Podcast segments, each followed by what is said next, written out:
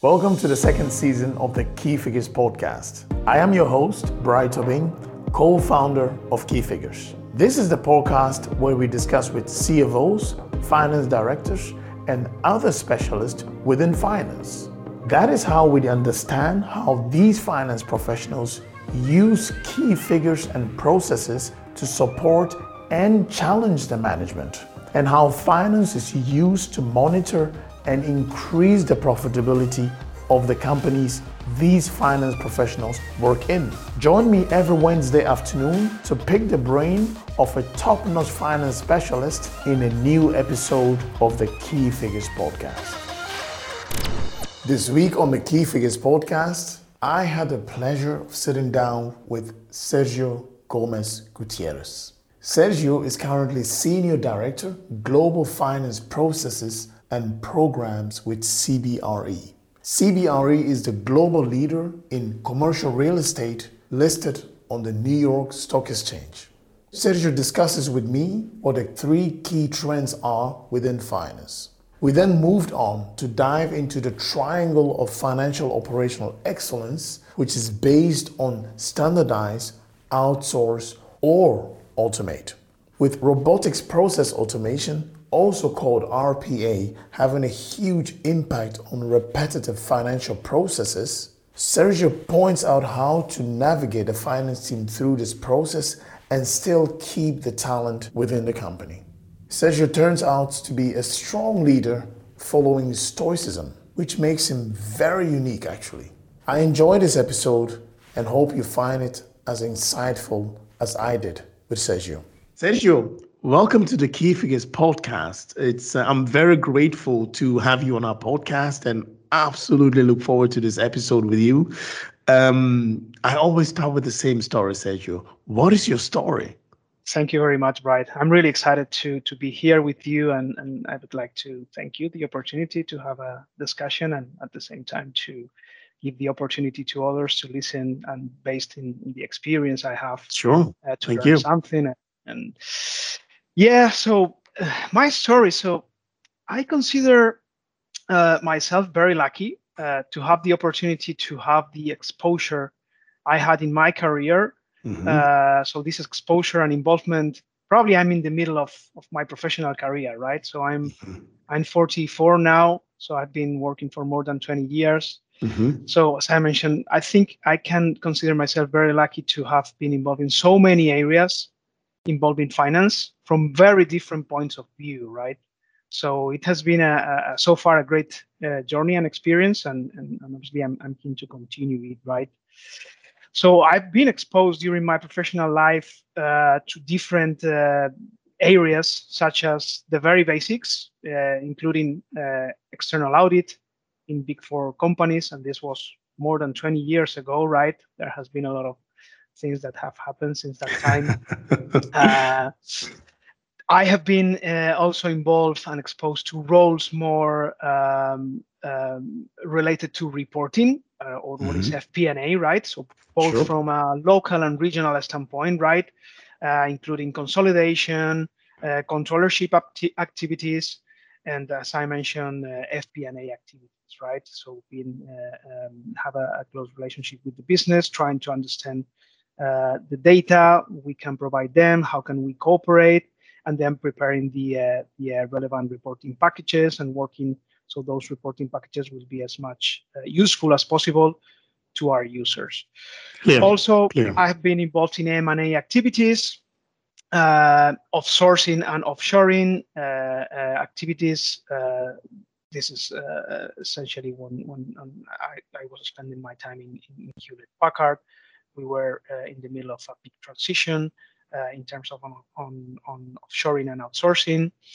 Also local and tax statutory reporting.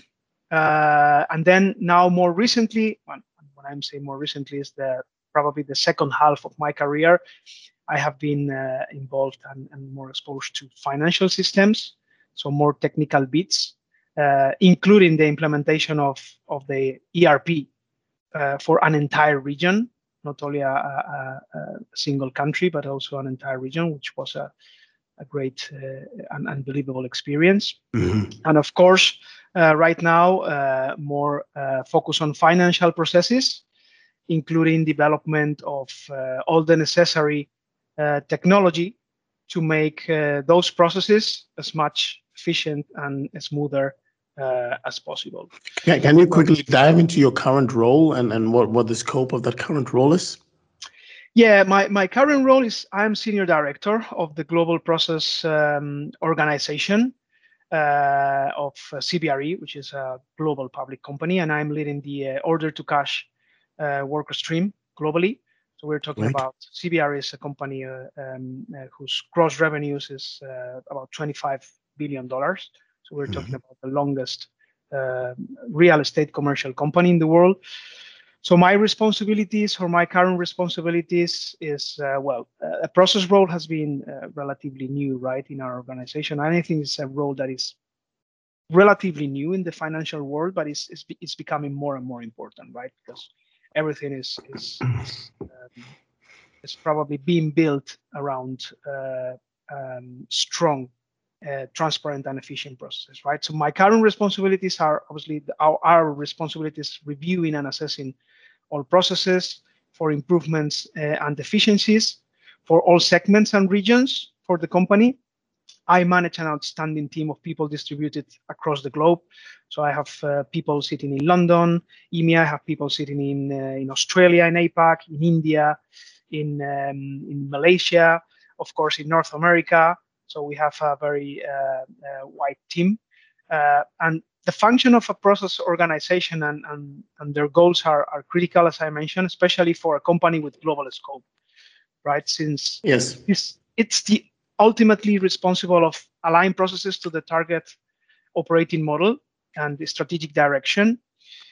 Um, of course, uh, ensure processes are operating efficiently with the right controls, minimize risk, and with optimal user experience is one of our main goals as well. And one critical aspect is, uh, of course, to consider the, the different ways to, to improve, improve processes, right? By functional improvements, technical improvements, including automations and digitalizations, of course, organizational changes as well, uh, including near on and offshore uh, of activities, and the creation of center of excellence for certain critical areas I think this is something that becomes more and more important and try to okay. the center of excellence. Fully understand. Fully understand. Um, th- thanks, thanks for the very detailed um, um, um, intro and really setting the stage for us to really understand what you do. Uh, you already mentioned um, the role of a global um, process owner is is relatively new within the finance field, right? Yeah. Uh, I know quite a few myself, and and actually depending on the type of company that they are in. Uh, it also has slightly different way that that role is is is been is been looked at. Um, you already said the big word, uh, the more technical look at finance, looking at processes. Um, uh, I spoke to a CFO a couple of days ago, and he told me that look, leading a team these days within finance is not enough. You need to lead systems, you need to lead people, Absolutely. and you need to lead processes. So I, I want to start with this question: What are the three key trends that you are currently seeing that is really impacting the finance organization from a global perspective because you have a, a, global scope right? Yeah. Yeah so one of the critical aspects of my current role is to build the right partnership with the it function controllership fp&a and in this case the business line since order to cash which is the work stream i'm responsible of is has a lot of traction yes. into invoicing, collection, and revenue rec- recognition processes, right? Mm-hmm. So processes is a critical function in an atmosphere of improvement, outsourcing, and, and digitalization. So coming back to, to, to your question and the, the key three trends, I would say the biggest challenge for a global company from a financial standpoint, and I would say from any kind of, of areas standpoint, is to look at standardization and, and look for consistency in everything they do right? Because this way you would be able to, first of all, understand where are your weaknesses and where are your strengths. You also will be able to make all your processes accountable and potentially scalable. Yes. And then build a culture of continuous improvement, which I think mm-hmm. is the key here, right? So how to achieve this standardization and, and, and consistency? So that's probably the, the, the key here, right? Or the key question. So it's a transformation journey essentially from my point of view. And, and it depends on the strategy of the company and how to to achieve this, right? But generally, and, and, and coming back again to, to your question, this I think these three pillars from my point of view would be first of all is the delivery model. So you need to scale finance delivery models. As I mentioned before, expansions of service centers and center of excellence is one of the pillars. Then second, of course, is process and technology. Absolutely. So we are accelerating finance digital ambition, right? So things like RPA or artificial intelligence or machine learning is used for for process based and um, and analytic uh, activities and then i would say the third thing is people uh, mm-hmm. and this hasn't changed right so people uh, is is is the, the, the focus. But now i think we now require uh, a, a, broader array of uh, of skills right? So we now need to equip uh, financial teams with probably digital and problem solving skills. This is as time goes by, is much, much, much more important. And also, it's very important to do as much as possible to keep the mental the mental energy of the people as highest as possible because this is probably just just a quick um, question because what you just said is so important meaning that um, you need finance people to be more digitally savvy absolutely can you dig more into that? What do you mean by that? Because a lot of people talk about this, and when I dig into, I always uncover different things. What does it mean to you? Yeah, what it what it means to me is um, you need to understand what financial systems are you using, right, and how can you get the most of them. So that is one aspect. So the second aspect is because we are building all the financial processes around systems, right? So it's as, as, as, as important is to have a, a, good relationship with other organizations or parts of the company. It's as good as it's as important as to have the proper relationship if, if with uh, for a lack of a better word with the financial systems right you need yes. to be savvy you need to be familiar on how financial systems works you need to understand what happens if a system is not providing what you are expecting you need to understand how financial systems are working. And, and, and once you are familiar with financial systems, you will be able to take the most of financial systems, right? Otherwise, if you are just having a passive attitude uh, in front of financial system, that is what that is not what we are looking for, right? So we are looking for proactivity. So how how is the how can we get the best of our financial systems? How are we going to uh, how are we going to minimize uh, risks uh, by using financial systems, right? So that is what we are looking uh, behind uh, to um, equip people with more digital uh, abilities, right? And, yes. and, be, and being good by by you know uh, in problem solving skills, right, mm. including financial system problems. So that okay. is That's clear. Um, I'm very happy you, you are emphasizing on people because that's obviously extremely important. But I would like to bring you back to something you just said uh, when you were talking about the three key trends. Um, standardization is is one of them. It's very, very important. Um, I want you to to trigger your thinking a, a, bit about the triangle that I call um, standardization, outsourcing, and automation. A lot of companies try to standardize um, so that they can eventually automate or, or outsource. Why does this triangle typically go wrong in mm-hmm. global companies because mm-hmm. let, let, let me just give you some context right mm-hmm. um, every cfo or even ceo that i talk to mm-hmm. is saying we need to standardize stuff yeah. from the inside but yeah. we want to give the best customer experience from the outside it Absolutely. seems to be fighting against each other but actually it can completely work together but if we just look at from the finance point of view obviously, if you're working on a global scale to make things connect, to make things work together, you need to standardize them. Um, and then there is an opportunity, right, to either um, outsource them near shore, offshore, mm-hmm. uh, or, or, far away, or automate them. How do you see this from your perspective in a global company? Hmm. Yeah, that's a very good question, and it's it's a very you know it's one of the biggest challenge right in global companies. So I think I think the key here or the initial key here is return of investment, right? Mm-hmm.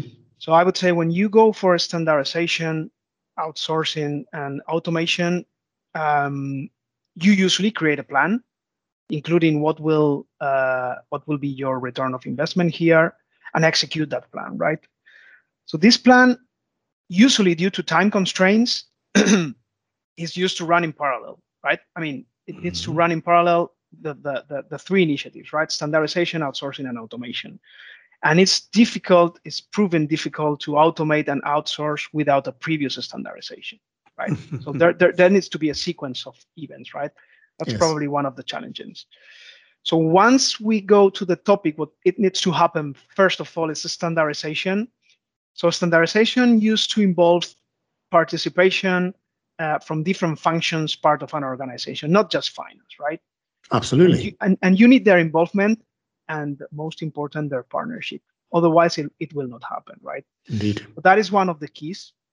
So what is coming back to return of investment? So what is the return of investment of a potential standardization to all functions involved in the standardization initiative? That's probably the key question to answer here to get involvement mm-hmm. and, and, and partnership uh, from other parts of, of, of the company, not just finance, right? So how are other functions not leading the standardization plan because the standardization plan is used to be led by the fin- finance uh, function. So how other functions are obtaining benefit uh, compared to the investment in time and resources we need to we need to have from them, right? So that is the key. That is the key from my point of view, because without these ingredients, standardization cannot be successful. And without the standardization, it's proven difficult to succeed in outsourcing and automation. So it's really a whole question to be answered by different parts of an organization. It's it's a question to look for partnership uh, from other parts of the organization, and obviously, as usual, to create uh, a comprehensive plan uh, which will be doable, which will be realistic with clear objectives, but uh, but uh, involving every single part of the organization and not just just finance, right? And obviously create uh, those plannings with the relevant stakeholders from all, all functions that will be accountable, right? Otherwise, this will not work. This will not work. And then once processes are um, efficient, processes are standard, then we mm-hmm. can move to an outsourcing and automation strategy more efficiently. From my mm-hmm. I fully agree with you. And, um, you know, I used to be a finance person myself. So I've, I've seen quite some standardization processes myself. Um, excuse me. I know that shared service centers being created is is one of these I'll call it um, internal deadlines that is being set to kickstart a, a standardization process because when you start moving stuff to a shared service center, it needs to be standardized. If not, it's going to cost you a huge amount of money. And, and so this is also typically a way to drive what I'll call financial operational excellence. Mm-hmm. Um, but within a global firm, where do you typically see it go wrong in the move from multi-site um, operational finance to a single or very limited amount of sites um, shared service centers. How do you see that? Yeah. So sometimes, or most of the times, uh, the driver of, of, of these decisions is, is cost savings, right? Yes. In the near term, and, and, and, and of course, look for improvements, efficiencies, and standardization more in the medium and long term. Obviously, if this can be possible in the in the short term or near term, even better. But generally, the, the, the strategy is okay. So let's save costs in the short term and then let's look for improvements and, and more efficiencies and standardization more in the medium and long term. So first, first of all, obviously, is transition of good processes is essential. It's absolutely essential. So it's it's much more easy to transfer a good, transparent, and clear process without weaknesses, rather than a confusing, bad, bad documented, and unclear process. Uh, so in case a bad process is transferred, we all know what happened, right? So there is a huge risk that uh, process will become even more confusing and efficient and inefficient, sorry, for, for a period of time after the transition for many reasons, right? uh, expertise of the receiving side in that particular process is less than the expertise of the sending side, uh, adoption to the receiving side ways of working, etc. Right. So that is one point. The transition of, of good processes is essential. And then I would say the second part is, is the maintenance of processes and uh, more important, a culture of continuous improvement in the service center is critical. So there should be routines uh, for process documentation maintenance in service centers, and not only process documentation maintenance, also improvements. And, and, and especially in, a, in, in organizations like service center, right, where the retention of top talent is, is, is, is proven an issue, right? And it's a huge problem. exactly. it's quite a big problem. It's, it's, a huge, it's a huge issue, right? So having a proper maintenance of processes and a culture of continuous improvement is critical uh, in this environment uh, because rotation of, of, people is, is so high, right? And there are so many young people working there. Yes. So there should be an organization within every single service center taking care of this process. This is one yes. of the of the of the reasons, from my point of view, to create a kind of uh, uh, worker stream that will be in charge of documentation maintenance, continuous improvement, and making all the teams accountable for this, right? This is very important. Build the relevant KPIs, discussing them uh, constructively on a recurring basis, uh, etc. Right? Then nearby or far away, well, there are probably, uh, I would say, four things to consider to answer this question. Probably the first one is the pricing model with the outsourcing provider. It doesn't matter whether the outsourcing provider is internal or external, right? But uh, the pricing model should be, uh, from my point of view, linked to productivity and efficiency mm-hmm. rather than linked to fixed fees or FTE based contracts, right?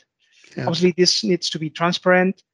I think from my point of view, it should be a combination of uh, pricing models. Probably it should be a combination of FTE, productivity, uh, per transaction, probably to be considered, and, and business outcomes.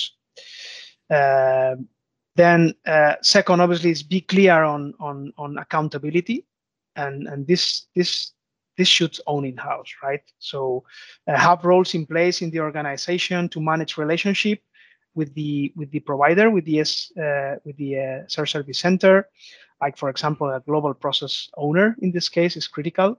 Uh, yes. to manage that relationship with the uh, with the uh, um, service center provider.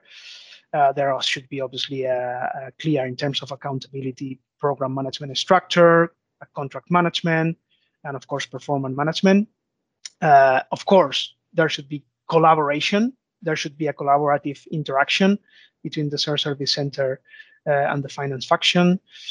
Uh, and I would say uh, the fourth aspect is the proactively, so challenging proactively mutual growth opportunities. I think there there needs to be a, a culture of building this uh, um, proactivity uh, in terms of growth mutual opportunities, both from the service center side and from the and from the finance side, right, or from the business side. Yeah. Uh, Sergio, let's let's zoom a bit into the the continuous improvement bit. Uh, within shared service centers. I think depending on the pricing models, and you're completely right, uh, there should be a pricing model regardless of um, the service provider being internal or external.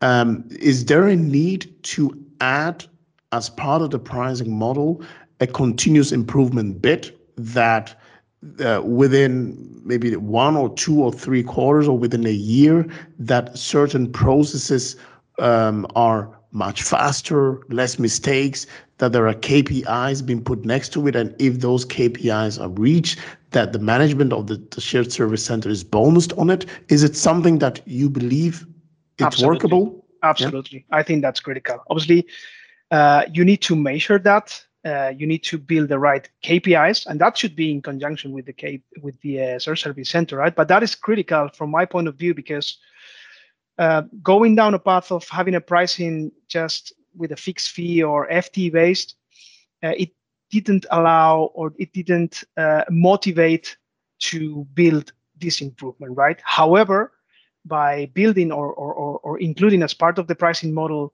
um, a number of um, measures or a number of KPIs that will be um, uh, measure this continuous improvement, I think that is that is key from my point of view right okay. i think this will be uh, make the shared service center much more effective mm-hmm. it will mm-hmm. be uh, proactively uh, um, um, requiring them to look for for improvements and for efficiencies and not just be a transaction processing organization right okay so more okay. more more transaction organization but also trying to look for improvements. So Makes I sense. think from my point of view, it's it's it's absolutely critical. Excellent, excellent. I'd like to take you a bit further back to the business. We've been a bit technical um, up till now.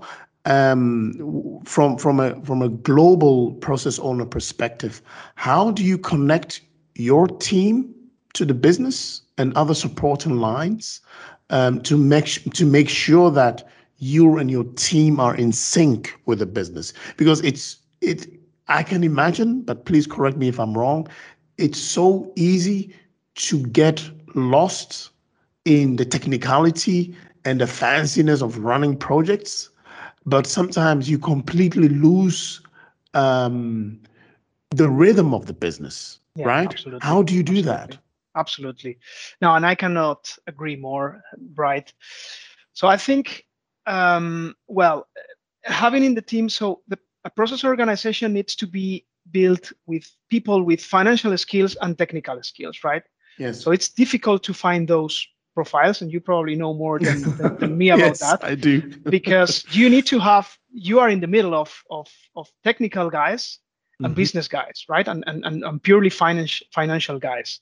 So that's that's one key, right? So to have the proper skill sets in the team then how to connect with the business so i think two key two words are key here one is transparency and mm-hmm. the other mm-hmm. one is partnership so everyone is very busy nowadays time is limited for everyone uh, and in some places there is a culture in the business uh, of, of, of the finance teams where we can get a lot of information for our goals but obviously there is much more than this right mm-hmm. so talking about transparency and you can define transparency as good communication as well because for me, though both both things are, are pretty much related.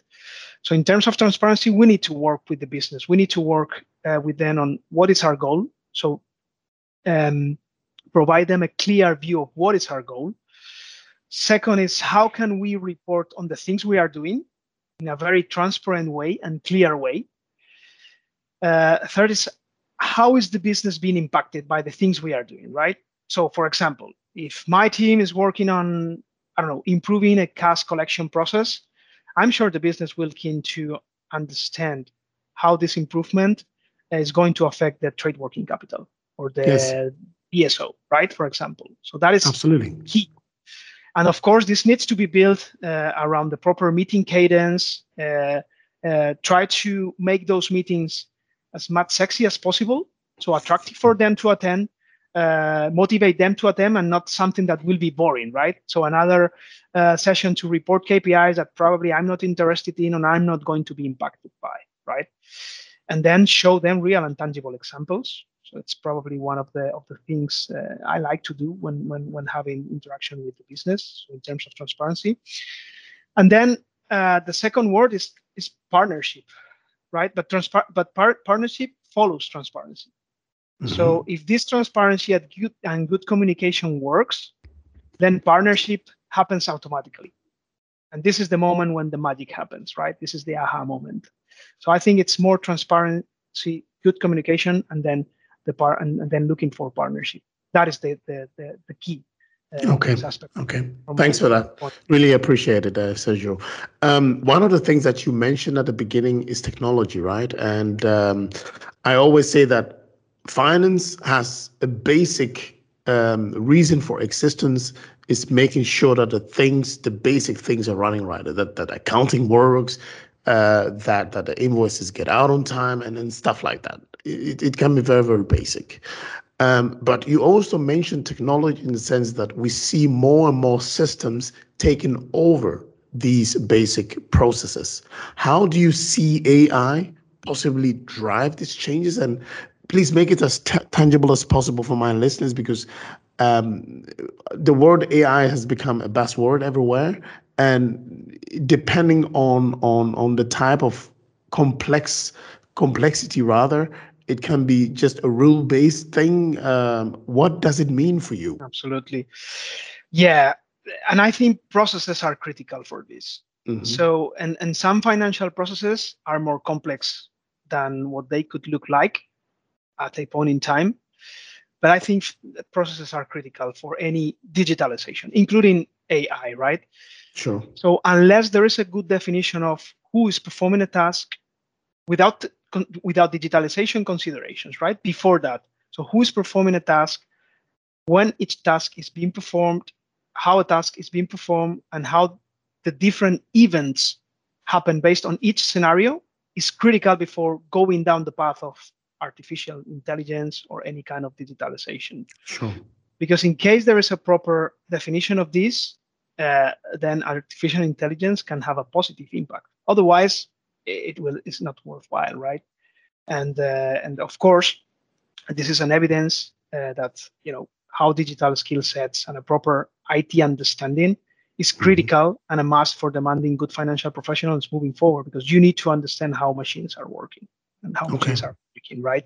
And at the same time, if you have a good understanding of financial processes, that will complete uh, the circle. But in, in absence of good understanding of financial processes, that is where you need a proper process organization to have proper processes documented on a transparent and clear way, not only for users, but also for a potential uh, digitalization initiative. Okay, makes sense. Which which fintechs do you believe might revolutionize uh, um, global finance teams in the near future? What what what what are, what are you seeing? Well, right now, so RPA, so mm-hmm. robots processing uh, technology and robot processing automation, is the one that is definitely having more impact in the short term, right? Okay. So there are hundreds of processes subject to robotization so mm-hmm. every single repetitive process with a clear decision path and no human uh, decision involvement is subject to be robotized. And that's a lot of things, by the way. Yeah, a lot of things, a lot of yeah. things. And certainly there are thousands of yeah processes. And, and like by the way, Sergio, there are even more that we believe is yeah. subject to human intervention. But if you really do push back on the business or even on finance, you might realize that you don't even need a human being to get through it. If, if you are willing to leave to to to um, accommodate a margin of error to some extent, so there are actually much more processes that can be automated. If I'm not wrong. Yeah, exactly. And the trend, right, is is to keep people monitoring a, a, a bot monitoring uh, how a bot is, is performing and whether a bot could fail rather than uh, processing 500 of transactions. That is yes. the trend, right? So instead of having uh, 30 FTEs processing uh, bank statements, we will have two FTEs uh, taking care of what a bot is doing, processing those bank statements in case the bot will be failing or in case the bot will be doing something that is not expected. That is coming back to our discussion why uh, digital skill sets are obviously more and more uh, demanded, yeah. right?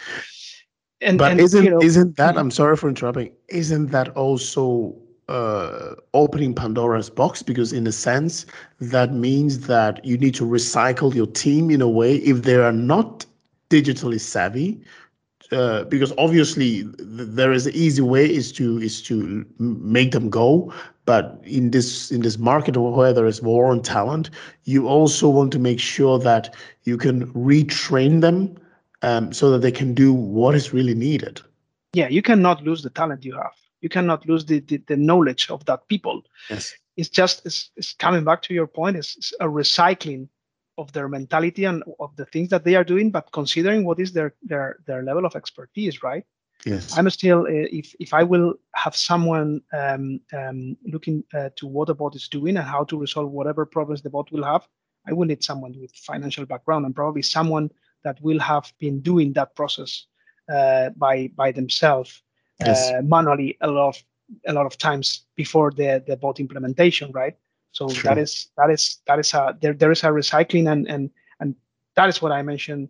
We need to equip the teams with more uh, digital uh, skill sets yeah. Uh, in relation to these, right? It's full circle now. yeah, exactly. Exactly. full circle. Fantastic. Yeah.